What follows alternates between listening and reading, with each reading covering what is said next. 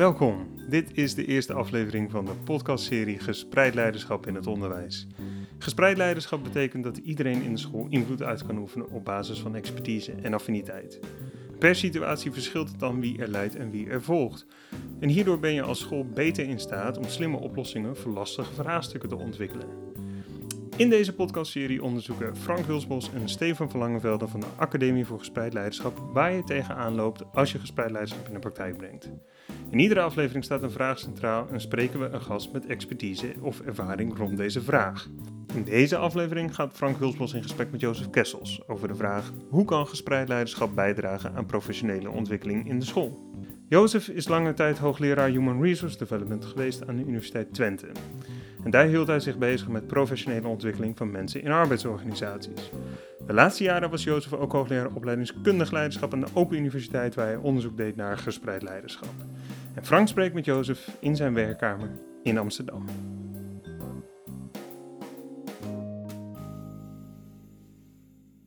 Jozef, jij hebt je in je werk jarenlang bezig gehouden met uh, onderwerpen als uh, professionele ontwikkeling, talentontwikkeling. De laatste jaren ook uh, steeds meer gefocust op het onderwijs. Hè? En het leiderschap wat daaraan bijdraagt. Wat, wat zijn voor jou de redenen om je juist met dat soort thema's zo bezig te hebben gehouden in je carrière? Nou, dat thema van de belangstelling voor leren, ontwikkelen, talentontwikkeling. Um, ik denk dat ik daar, als je me zo vraagt, twee, twee hoofdrichtingen in zijn die me bezighouden. Eén is natuurlijk de officiële, formele kant. Organisaties worden steeds complexer, eh, lastige vragen. Um, het is moeilijk te voorspellen hoe het zich ontwikkelt. En we weten dat het alleen maar een goede kant uit gaat als elke medewerker zijn of haar talenten, mogelijkheden verder ontwikkelt en dat inzet voor de verbetering van de organisatie. Dat kan zijn een, een bedrijf, een instelling, een ziekenhuis. En dat geldt net zo voor de school. Hè. School wordt mooier, beter naarmate de leraren die er werken eh, meer werk kunnen maken van een professionele ontwikkeling. Daarnaast heb ik ook een, echt een individuele belangstelling. Ik vind het gewoon heel plezierig om te zien dat iemand dankzij een of ander leertraject, professionaliseringstraject, iets wat iemand onderneemt, na een bepaalde tijd echt andere dingen beter, nieuwer, mooier, slimmer, sneller kan, met veel meer plezier. Dus een, het plezier beleven om te zien dat een ander iets bijleert. Hè? Een nieuw inzicht, een nieuwe opvatting. Dat is heel duidelijk, zie je dat bij de, voor je ogen gebeuren bij jonge kinderen. Hè? Het moment dat ze dat je ze op de fiets zet met uh, steunwieltjes en die gaan na een tijdje af en dan papa kan met losse handen. Hè, en dan, dat Trots. Is, dat en die cirkel van, van invloed die wordt steeds groter. Het is eerst het woonerf en het dan de straten op en dan het land in. Hè. Um, zou me ook niet verbazen. We weten dat de Nederlandse kinderen de gelukkigste van de wereld zijn dat het misschien wel komt omdat we al heel vroeg hun autonomie vergroten door ze te leren fietsen. Maar dat is op het moment dat je kunt fietsen, dat je dan ook je eigen weg kan gaan. Ja. Zelfsturend bezig zijn. En, eh, letterlijk je eigen weg kunt gaan en ja. letterlijk zelf kunt sturen. Ja.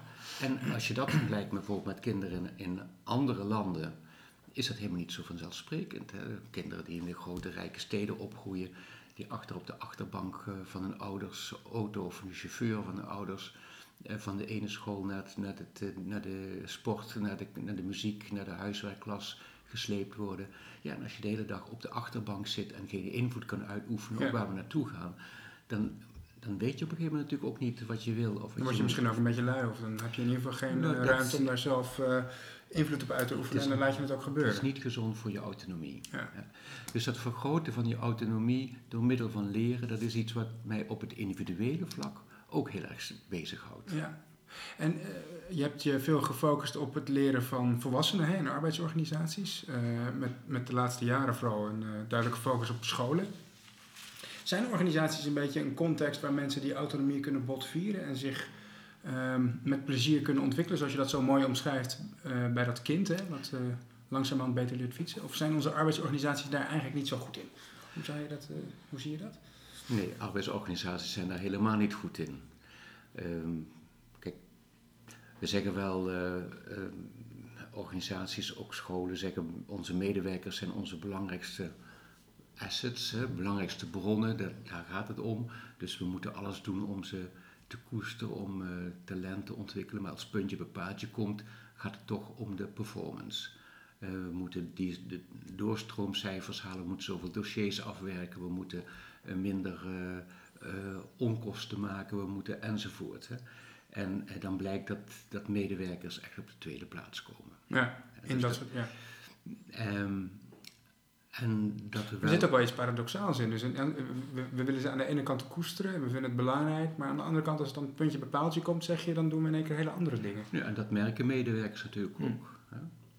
Uh, en dat, dat leidt er waarschijnlijk ook toe dat als het erg op gespannen voet staat, hè, bijvoorbeeld als ik bij een organisatie werk die voortdurend van mij dingen vraagt die niet zo goed passen bij wat ik graag wil, dan creëer ik mijn eigen niche waar ik een beetje wat rust gelaten word om toch mijn eigen dingen te kunnen doen. En binnen de school zie je dat leraren zich terugtrekken in hun eigen klaslokaal, want daar hebben ze een grote mate van autonomie. Daarom is het ook zo lastig. Daar kunnen ze leren fietsen vrijelijk. Ja, of maar als ze daar buiten treden, dan is de omgeving in één keer heel anders. En dan is die autonomie veel kleiner. Daar hebben ze niet zoveel over te vertellen. Ja. En omgekeerd zie je ook dat leraren dat ook graag beschermen.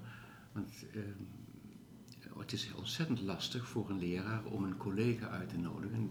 Om te vragen van Frank, uh, zou je mijn les eens een keer willen bijwonen? Ik wil iets nieuws gaan doen. Mhm. Ik wil uh, echt werk maken van verder differentiatie. En ik wil een bepaalde groep even zelfstandig laten werken, zodat ik tijd en ruimte krijg om met een paar kinderen individueel te werken. En um, uh, ik heb daar iets voor bedacht, wat mij dat mogelijk. Ik zou het graag willen uitproberen. Zou je eens willen komen kijken hoe dat werkt, dat je me dan, daarna ook suggesties geeft. Nou, zo'n conversatie is heel lastig in een school te vinden. Ja, ja. En daarmee, dat komt natuurlijk ook omdat iemand zijn eigen ruimte wil beschermen. En het komt ook omdat we het werk zo georganiseerd hebben Ehm, dat het voor jou helemaal niet makkelijk is om bij mij een les bij te wonen. Dus je zegt dat, uh, dat, dat, bekende, die bekende uitspraak van de leraar is baas in eigen klas, dat, daar kun je eigenlijk ook al tot op zekere hoogte begrip voor opbrengen. Dat de leraar dat gebied een beetje beschermt ook nog wel voor zichzelf. Ja, want dat is nog een domein waar je dus uh, zelf invloed kan uitoefenen. En als mensen dat niet meer kunnen, dan houdt het op. Dan, uh, dan doe je het alleen maar uit plicht of omdat je geld moet verdienen. Of, maar dan, en dan houdt ook het leren op. Ja. Over invloed uitoefenen gesproken. Je hebt je uh, heel veel bezig gehouden met leiderschap in het onderwijs, het leiderschap in de school. En wat ik je vaak heb horen zeggen is dat je een onderscheid maakt tussen positioneel leiderschap en gespreid leiderschap. Zou je eens kunnen uitleggen wat je met die twee termen bedoelt? Wat betekent dat? Ja. nou, het begint eigenlijk met de opvatting over leiderschap. Um, als je leiderschap omschrijft als het vermogen om invloed uit te oefenen op anderen om een bepaald doel in de organisatie te bereiken of in de school te bereiken. En dat betekent dus eigenlijk dat leiderschap de bekwaamheid is om invloed uit te oefenen. Dan is de vraag, op grond waarvan oefen je invloed uit?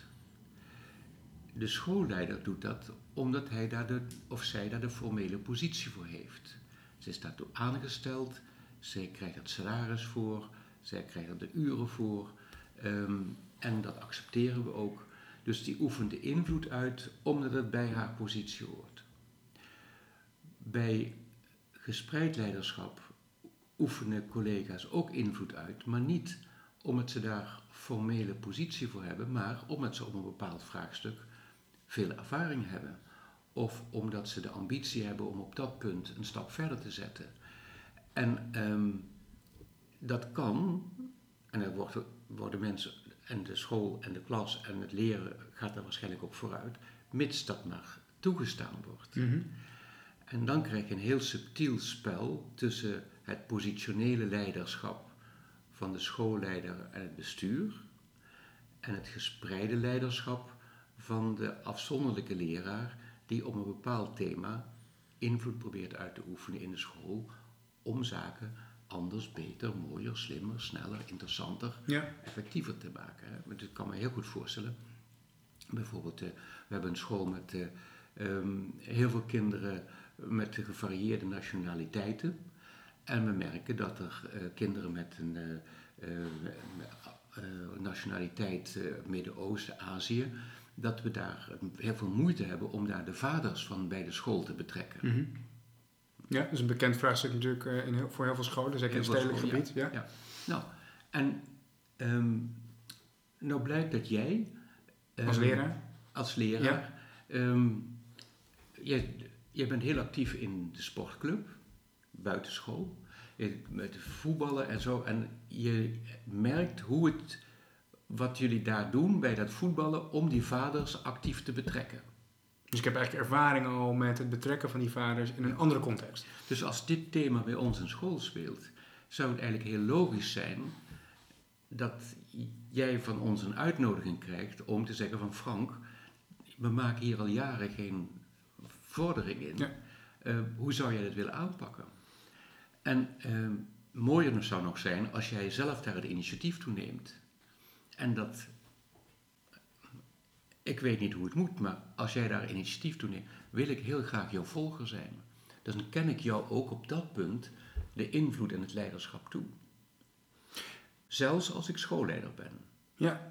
Ja, dus eigenlijk, eh, je hebt het ook vaak over het gunnen van leiderschap. Het gunnen van een leidende rol of invloed aan een ander. Hè? Dat is een soort eh, vaardigheid of een bekwaamheid die je, die je moet bezitten, of waar je over moet beschikken om dat gespreid leiderschap te laten, te, te laten ontstaan, zou je kunnen zeggen. Je zoekt eigenlijk naar, eh, ik heb het dat het positionele leiderschap is het duidelijk. Jij mag invloed uitoefenen, Vanwege de positie die ik bekleed. omdat je bent schoolleider Ja. en dan heb je het voor het zeggen. We doen het op zijn Nederlands, dus eh, diplomatiek, eh, plezierig, eh, niet al te autoritair. Waarderend. Ja, Ja. we gebruiken daar Maar het is de schoolleider die de positie heeft en daardoor invloed. Uiteindelijk, Ja. als het spannend wordt, kijken wij toch allemaal naar jou wat jij zegt. En ehm, als wij daar niet meer, eh, niet meer uitkomen, dan zeggen we, Frank, doe er wat aan. Los ons conflict op. Ja, hak de knoop door. Ja, Dat is een veelgehoorde uitspraak. Een schoolleider moet knopen doorhakken, Ja. de eindverantwoordelijkheid nemen. Ja. En bij gespreid leiderschap ehm, is dat niet het geval. Daar ehm, oefen je geen invloed uit omdat je eh, de positie hebt. Maar het kan ook alleen maar omdat de collega's jouw expertise, ervaring waarderen, erkennen, belangrijk vinden en jou dus ook gunnen dat je invloed uitneemt. Dat jij invloed neemt. En dat je dan dus ook de volledige verantwoordelijkheid hebt op dat terrein waar je invloed op uitoefent. Welke het ook mogen zijn, Ja. afhankelijk van mijn ervaring of expertise die ik heb. Dus de dynamiek van ik gun het jou als collega, of misschien zelfs als schoolleider, om invloed uit te oefenen. Ehm, dat is nodig om jou het gevoel te geven, ik mag die ruimte ook nemen. Ja, en met name de schoolleider moet die vaardigheid natuurlijk over beschikken. Want anders zullen mensen, andere mensen die geen Dat schoolleiderspositie geldt hebben... in principe voor elke collega, Ja, dus ook voor de schoolleider. Voor de schoolleider wordt het extra moeilijk, omdat dat ehm, ehm, op het moment dat de schoolleider invloed gunt aan een medewerker, ontstaat er een potentiële zone of conflict. Ja? En dat is natuurlijk heel, heel spannend. Bijvoorbeeld, ehm, ik ben schoolleider.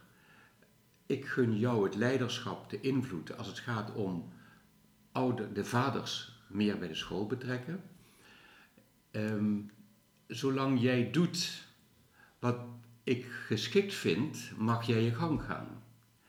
Zo gauw jij iets onderneemt waar ik van vind, dat kunnen we beter niet in onze school hebben, ontstaat er op dit domein voor ons een zone of conflict. En dan is voor mij de neiging heel sterk om van mijn positionele leiderschap gebruik te maken om jou Bij te sturen. ja. Ja, ja precies. En eh, dat vind Dus ik... daar zie je dat subtiele spel, wat je eerder zei, tussen positioneel en gespreid leiderschap terug. En in zo'n geval zou het, het positionele leiderschap, het gespreide leiderschap, op de invloed van de leraar ook weer terugdringen, zeg maar. Ja, Eh, dat is, of, kan dus een- bijstellen. Een, eh, je kan zeggen bijsturen, eh, maar dat bijsturen is dan aardig. in feite is dat het leiderschap weer overnemen, weer naar je toe terugtrekken. Zou Terugsturen is een gaatje erger. Stoppen is nog meer. En als je, als je dat een keer ervaren hebt, dat. Dat dus- je de deksel op je neus krijgt. ja, dat is dus de meest extreme vorm, zul jij een volgende keer niet meer een initiatief nemen. En het gaat nog een stap verder. Dat is niet alleen iets wat zich afspeelt tussen jou als initiatiefnemer en mij als positioneel leider die dat faciliteert en ondersteunt en op een gegeven moment zegt, maar nu ga je te ver. De mensen om ons heen zien dat ook gebeuren en zien, oh, dit is de ruimte die Jozef geeft Ja. en die die niet, en die, die niet wil geven. Ja. En het maakt mensen dus behoedzaam en ehm, eh, willen zich daartegen beschermen, nemen geen initiatief. En dat zijn mensen die dan op den duur, jaar in jaar uit hebben ze dat meegemaakt, dat ze zeggen, zeg jij maar wat, hoe het moet. Hè? En dan zeg je bijvoorbeeld, denk je van... en- Ik hou me alleen nog bezig met mijn leerlingen, daar, daar, doe, daar doe ik het zo goed mogelijk voor. Maar alles wat buiten mijn klaslokaal plaatsvindt, daar- nou ja, dat doe ik netjes, precies genoeg, zodat ik niet weggestuurd word of Ja. niet in een arbeidsconflict Die- kom, maar dat is het dan ook wel. Ja. Ik zal me netjes gedragen zodat Ja. niemand mij iets kan maken. Maar eh, eh, verantwoordelijkheid nemen, dat, eh, daar begin ik niet meer aan. Ja. Zit ook, toen je, toen je dat net vertelde, hè, over die schoolleider die invloed gunt aan een medewerker, aan een leraar. ehm, daar, daar, zit ook, eh, eh, ehm, en het ook uiteindelijk weer kan terugtrekken of kan inperken, maar er zit ook iets voor mijn gevoel in van, op het moment dat een schoolleider invloed gunt, een uitnodiging doet, dat het dan mogelijk zwaarder weegt dan wanneer een leraar, een collega-leraar invloed gunt. Is dat zo of zie je dat anders? Nou, Er zitten wat meer kanten aan wanneer je dat als schoolleider doet, zou je kunnen zeggen, dan wanneer je dat als collega-leraar doet, of niet? Ik vind het een, het punt wat je nu aansnijdt, eh, vind ik een hele interessante dynamiek. Eh, want het is niet een één op één relatie. Je zou zelfs kunnen zeggen dat er sprake is van een ecologie van het schoolklimaat. En in die ecologie daar spelen al die dingen op elkaar in. Als jij een aantal keren van mij gemerkt hebt dat ik heel enthousiast je de ruimte bied om met nieuwe initiatieven te komen, en tegelijkertijd merk je dat ik net met hetzelfde enthousiasme ook over alles een mening heb. Bijvoorbeeld, ja. Eh, dan heeft dat invloed op jou. Ik heb het gevoel dat ik echt een hele goede schoolleider ben. Want ik kan echt met jou meepraten. En de collega's om jou heen en om mij heen, die merken... ehm, hij is echt wel een krachtige leider die we hebben. En dat heeft dus ook zijn schaduwkant. Ja, Want een krachtige leider is minder goed in staat om de spanning te laten oplopen als het even wat minder gaat. Of eh, als het gaat in een richting die de schoolleider niet gewenst acht. Ja, dan heeft hij de neiging om in te grijpen, bedoel Ja. je, of om het weer naar zich toe te trekken. En op het moment dat je ingrijpt, ehm, overroelt, met stemverheffing spreekt, of een vermaning geeft, of een waarschuwing geeft, vanuit de positie als schoolleider, houdt in principe de groei van autonomie op. Ja, En daarmee zou je kunnen zeggen, en het is, je zou het zelfs kunnen zeggen een soort leiderschapsparadox. Op het moment dat een positionele leider van zijn leiderschap gebruik maakt om zelfsturing en autonomie van medewerkers te bevorderen, belemmert hij de ruimte ook. tegelijkertijd belemmert hij de ruimte ook. Ja. Terwijl hij het doet, belemmert hij het ook tegelijkertijd. En dat heeft met zijn positie te maken, is eigenlijk wat je zegt. Omdat zijn invloed, de invloed die hij inbrengt, per definitie wordt geïnterpreteerd als, ah, dat is op basis van positie. En daar moeten we dus op een andere manier naar luisteren. Zou je kunnen zeggen, als ik als een collega-leraar mij probeert te beïnvloeden, dan kan ik daar vrijer naar luisteren naar wat de inhoudelijke boodschap is, dan wanneer een schoolleider dat naar mij doet, omdat ik dan meer bezig ben met wat betekent dit, wat Ja. betekent dat hij dit doet vanuit zijn Want positie. die collega van jou die zal nooit tegen jou zeggen van eh, ik vind alles prima Frank wat jij doet, als je me wel op de hoogte houdt van wat je gaat ondernemen. Nee. Dat zegt een Die collega. zou eerder geïnteresseerd zijn in wat je aan het doen bent. Ja. ja. Wat, Of als je ingewikkelde dingen gaat doen, Frank, moet wel even overleggen. Hè? Dus je hebt dat positionele leiderschap wat gebaseerd is op eh, de positie die je bekleedt in de organisatie. En gespreid leiderschap, dat is invloed uitoefenen op basis van ervaring, expertise, talent. Wat zijn eigenlijk, zou je zeggen, de, eh, de, de, de basisgedachten of de basisprincipes die daarachter zitten? Dus met andere woorden, op basis waarvan zou je nou kiezen voor een positioneel leiderschapsperspectief en op basis waarvan kies je eh, voor gespreid leiderschap? Welke, welke diepere gedachten zitten daarachter? Ehm, nou, dat, opvattingen. ja, dat gespreid leiderschap ehm, heeft natuurlijk diverse vaders. Hè? Het hoort ook uh, in het emancipatiedenken. Uh, ik kies heel duidelijk het perspectief van dat gespreid leiderschap is nodig in een volgende fase van talentontwikkeling. Mm. Als iemand niet invloed kan uitoefenen op de inrichting en de vormgeving van het werk, kan hij er ook niet beter in worden. dus het is een voorwaarde om te kunnen leren en te bewegen en, en, en te ontwikkelen. Um, en je zou nog een derde perspectief kunnen kiezen van de complexiteit die op een organisatie afkomt, ook op een school, is zo groot dat kan een schoolleider niet meer in zijn eentje op alle punten op hoog niveau coördineren, sturen, beheersen, assessen, monitoren uh, enzovoort. Dat is een illusie. Daar heb je gewoon invloed van veel meer mensen bij nodig. En uh, je kan het voor een deel kan je dat formeel regelen in een vorm van hiërarchie. Jij gaat daarover, jij gaat daarover, jij gaat daarover en ik hou de overkoepelende. Um, maar uh, dat is niet voldoende voor de vorm van leren en ontwikkelen eh, die, ik, die nu vandaag nodig is. Die ik voor ogen heb. Ja. En tegelijkertijd zie je, tenminste ik probeer die redenering duidelijk te krijgen, dat de minste vorm van autoritair, autoritair positioneel leiderschap die ontwikkelingsbeweging belemmert. En dus een krachtige positionele leiderschap, eh, een krachtige positionele leider houdt zijn organisatie dus ook dom. Ja. Beperkt eigenlijk de invloed, de ruimte voor, voor, om invloed uit te oefenen en zich dus te ontwikkelen van anderen. Ja, en dat is een voorwaarde voor uh, kennisontwikkeling. Ja, precies. Ja. Ik, um, ik, ik, proef bij jou dat je daar anders over denkt, maar er zijn ook uh, onderzoekers hè, die zich met uh, gespreid leiderschap of distributed leadership bezighouden, die zeggen gespreid leiderschap en, en, en het leiderschap van de formele leidinggevende in de school, die staan helemaal niet op spanning met elkaar. Dat, is juist, dat hoort juist heel erg bij elkaar. De schoolleider is er juist om dat gespreid leiderschap in de school mogelijk te maken. Maar ik proef bij jou ook een beetje van, nou, er zit echt wel een spanning op die twee, tussen die twee.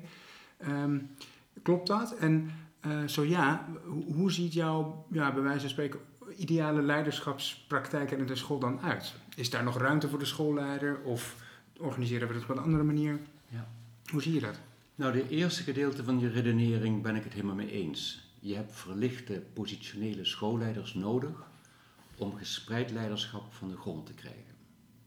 Dat, dat, dat onderschrijf ik helemaal. Um, om nu een doorbraak te forceren of een doorbraak te, te, te bevorderen van de situatie zoals we nu meestal georganiseerd zijn naar meer gespreid leiderschap. Maar het werk wat een positionele schoolleider doet, dat blijft waarschijnlijk ook nodig. Dus in die zin volg ik je redenering ook. En dan komt volgens mij de afwijking. Ik zeg dan vervolgens, maar dat werk hoeft niet door een positionele leider worden. Positionele dat kun je ook op basis van expertise, talent en ervaring verdelen over het team. Ja, maar er zijn ook mensen in het team die het hartstikke leuk vinden om um, de onderhoud van het gebouw te organiseren. Of om uh, de financiën voor onze, onze club op orde te houden. Ja. Of om uh, uh, het voortouw te nemen als we nieuwe medewerkers nodig hebben. Ja. Dus dat, um, dat is een mooie gedachte. Dus je, je mag dat wel, uh, daar kan je dus best invloed uitoefenen. Jij bent daar goed in, jij bent daar goed in, jij bent daar. Dus doe het. Ja. Ik wil jullie graag, graag op die punten jullie volger zijn. Maar dat wil niet zeggen dat je daardoor over alles te baas bent. Ja, ja dus het gaat vooral om het, uh, uh, het uitvlakken van de, de rol van bovengeschiktheid. En het koppelen van een baaspositie, een bovengeschikte positie, aan bepaalde taken die moeten worden gedaan in de school. Je zou dat ook, dus zeg jij, op basis van ja. de expertise. Maar ik begrijp heel goed de weerstand tegen dat abolitionisme, hè, dus het afschaffen van de formele schoolleider, want dat klinkt dan zo. Eh, omdat we ook bang zijn. En we ook niet zoveel goede ervaringen daarmee hebben. Um, je bedoelt ook slechte ervaringen? Of, ja, tuurlijk. Ja. Het, uh, het kan maar we hebben natuurlijk ook een hele hoop slechte ervaringen met slechte leidinggevenden. tuurlijk, daar hebben we meer ervaring mee. Ja, misschien wel dat het hartstikke misgaat dan... Uh, dus daarom ben ik daar niet zo van onder de indruk.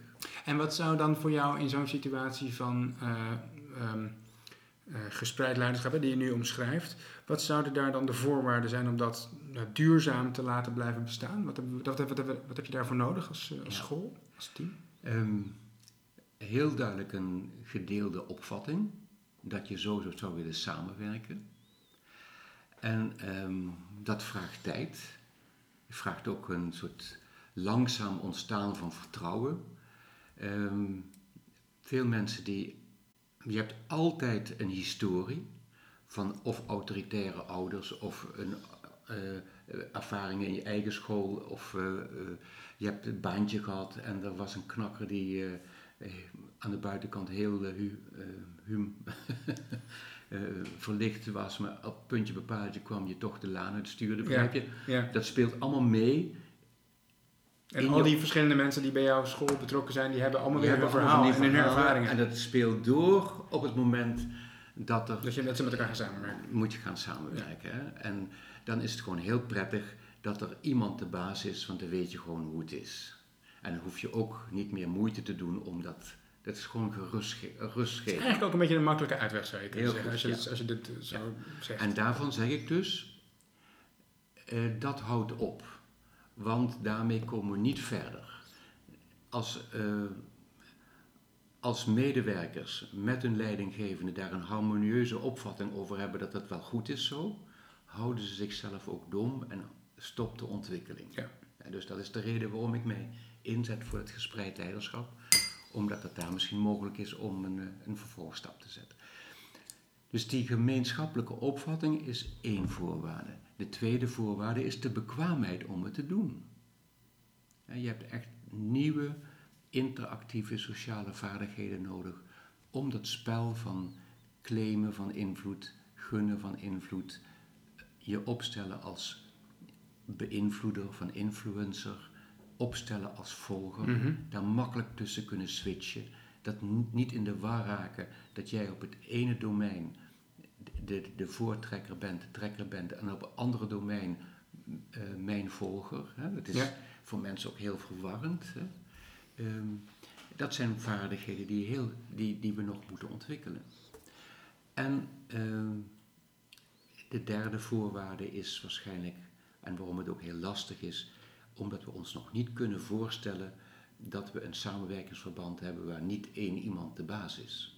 Gewoon het Of idee, het idee dat dat niet nodig is. Ja. eh, afschudden. En eh, ook in onze eh, governance structuur moet altijd iemand de eindverantwoordelijk hebben. Dat is zo wettelijk geregeld. En omdat het zo wettelijk geregeld is, denken we dat het zo hoort. Maar omdat het zo wettelijk geregeld is, verandert je het ook moeilijk. Verandert het perspectief erop ook niet. Ja. En dat zijn ook zaken die we waarschijnlijk te doen hebben. Maar laten we maar eens eerst op kleine schaal uh, daarmee beginnen. En de school is natuurlijk een prachtige plek om, dat, uh, om daarmee te experimenteren. Kijk, we hebben eigenlijk al uh, de, de erkenning dat de leraar recht heeft op zijn autonomie om zijn vak uit te oefenen. Dat een ander daar niet in mag treden. Dus die garantie, de formele garantie dat jij in je primaire proces, in je vak, een grote mate van autonomie hebt, dat is er al. Hè? En um, de, de kunst is nu om dat te verbreden in de samenwerking. En dan merk je dat scholen daar helemaal niet zo goed in zijn. Um, dat lesgeven, dat, dat leraarschap, ik ken eigenlijk geen ander beroep wat zo geïsoleerd. Maar de professionals zo geïsoleerd hun werk doen. zijn werk doet. Ja. En dan hebben we het met droge ogen over dat we allemaal deel uitmaken van een, Van een team. school en wat we samenwerken. En, en, enzovoort. Maar Ja, heel veel leraren, dat is onze ervaring ook, heel veel leraren die ervaren de samenwerking eigenlijk als extra het buiten het echte werk. Hè? Dus dat is vooral een last en een extra belasting, veel meer dan dat het iets Ja. is waar je wat van kunt leren of waar je waarde aan kunt Daar ontlenen. heb ik daar uren voor. Ja, precies, dat is vaak de En vraag. dat is gewoon een teken van ik beschouw dit niet tot mijn werk. Maar dat vraagt dus ook wel eigenlijk om een, een heroriëntatie van hoe we het werk organiseren binnen de school. Ehm, want zo- zolang je inderdaad, bij wijze van spreken, 70, 80 procent van je tijd aan dat individuele lesgeven in de klas besteedt, is het natuurlijk altijd extra wat je Als, als het gewoon is dat, eh, dat mijn werkdomein die klas is, zoveel vierkante Ja. meter met zoveel leerlingen. En alleen. en dat het gestuurd wordt door een klok van 50 minuten. Ik, ben, ik kom nooit in een werkplek waar elke 50 minuten de sirene afgaat. Behalve op school. Alleen op school is dat. Ehm, en iedereen vindt dat normaal. Ik schrik daarvan. Hè? Ehm, Ja, dan wordt je dag wel, dan word je wel geleefd, zou je kunnen zeggen. Ja, ja. Hey, ehm, dat zijn het allemaal belemmeringen om het anders te gaan Het leuke vind ik ook aan wat je vertelt, is dat eh, ehm, gespreid leiderschap, zoals je het er nu ook over hebt, een veel breder perspectief op leiderschap is dan dat positionele leiderschap. In de zin van dat je veel meer aspecten in de school mee gaat nemen in het vormgeven van je leiderschapspraktijk in de school. Hè? Dus bij positioneel leiderschap gaat het vooral over wat zijn de gedragingen en de, de houding en de attitude van de schoolleider die bijdragen aan verbetering, vernieuwing. Terwijl bij gespreid leiderschap gaat het eigenlijk over ja, de school als ecologie, zoals jij dat ook zo mooi zegt. En hoe kunnen we dat allemaal bij elkaar vormgeven op zo'n manier dat iedereen invloed uit kan oefenen op basis van zijn kwaliteit. Maakt het natuurlijk een stuk ingewikkelder. Ja, Als je zegt van, er eh, komt veel meer bij kijken. over leiderschap van je hebt de leider in interactie met de medewerker, dan kunnen we dat met interventies op de leider kunnen we dingen. Ja, eh, Schoolleidersregister, ja, professionalisering. we kunnen aan het knopje van de medewerker, van de, van de leraar draaien en zo proberen we iets in die interactie te doen. Op het moment dat je het, het ziet als een ecologie met zijn eigen klimaat, Ja. waarbij het gedrag van die collega en eh, De van die reactie van, van iets van buiten allemaal invloed heeft op hoe dat, die ecologie zich gaat gedragen. Dan kom je ook niet zomaar met een cursus voor de schoolleider van eh, we gaan dit nu doen en dan... eh, Ja, het is complexer, maar waarschijnlijk ook wel kansrijker om daar toch op in te steken. Want we weten ook al heel lang, eh, dat, dat hadden we net ook in het voorgesprek, voor dit interview hadden we het daar ook al over, dat die, de, het transferprobleem van cursus naar werkplek, daar hebben we al 40 jaar last van. Hè? We zien zo vaak dat eh, cursussen, externe cursussen of opleidingen eigenlijk uiteindelijk weinig invloed hebben op wat er op de werkvloer gebeurt. We zien ook van tal van initiatieven, eh, bijvoorbeeld met betrekking tot professionalisering. Of het nou de lerarenbeurs is, of de promotiebeurs, of de professionele gem- leergemeenschap, of eh, instroom van ervaren zij-instromers in de school. Eh, allemaal bedoeld ook om iets aan die schoolontwikkeling en schoolverbetering te doen, op uiteindelijk om eh, invloed uit te oefenen op eh, het schoolklimaat en een betere leerresultaten of een rijker en gelukkiger samenleving binnen, noem maar op, welke hoge doelen we daar hebben. Al die interventies die we doen, zijn, worden door de individuele leraar vaak heel positief ervaren. Eh, vervolgens zien we ook dat in hun klasactiviteit best wel veranderingen en verbeteringen plaatsvinden, maar het lukt ons nauwelijks om die bredere schoolverbetering in gang te zetten. Hè? Er gebeuren wel op tal van plekken interessante dingen, Ehm, maar dat is niet afhankelijk van ik doe deze interventie en dan krijgen we schoolverbetering. Dat vraagt om die ecologie en dat is volgens mij dat hele subtiele samenspel van invloed uitoefenen, invloed claimen, invloed gunnen. En de situatie waarin je dat doet. En het vraagstuk. Zoals de onderwijspraktijk waarin je werkt. Eh Jozef, ehm, ik zou je nog één laatste vraag voor willen leggen die we al onze gasten eh, in deze podcast voorleggen. Ehm, ehm, je hebt eh, jarenlang onderzoek gedaan naar gespreid leiderschap en naar leiderschap in bredere zin. Maar wat is nou, wat jou betreft, de vraag rondom gespreid leiderschap, rondom leiderschap in de school, die, die nog echt onbeantwoord is en waar jij nog wel nieuwsgierig naar bent de komende jaren? Welke vraag ligt nog open? Nou, ik ben heel erg nieuwsgierig ehm, of die, die verwachting dat gespreid leiderschap echt een bijdrage levert aan schoolverbetering, of die verwachting of die reëel is, of dat die voor bijvoorbeeld doorkruist wordt door onze opvattingen dat dat niet mogelijk is. Dus dat we eigenlijk met onze eigen opvattingen over leiderschap, zo Iemand moet de baas zijn, iemand moet knopen doorhakken, moet duidelijk zijn waar de verantwoordelijkheid belegd is.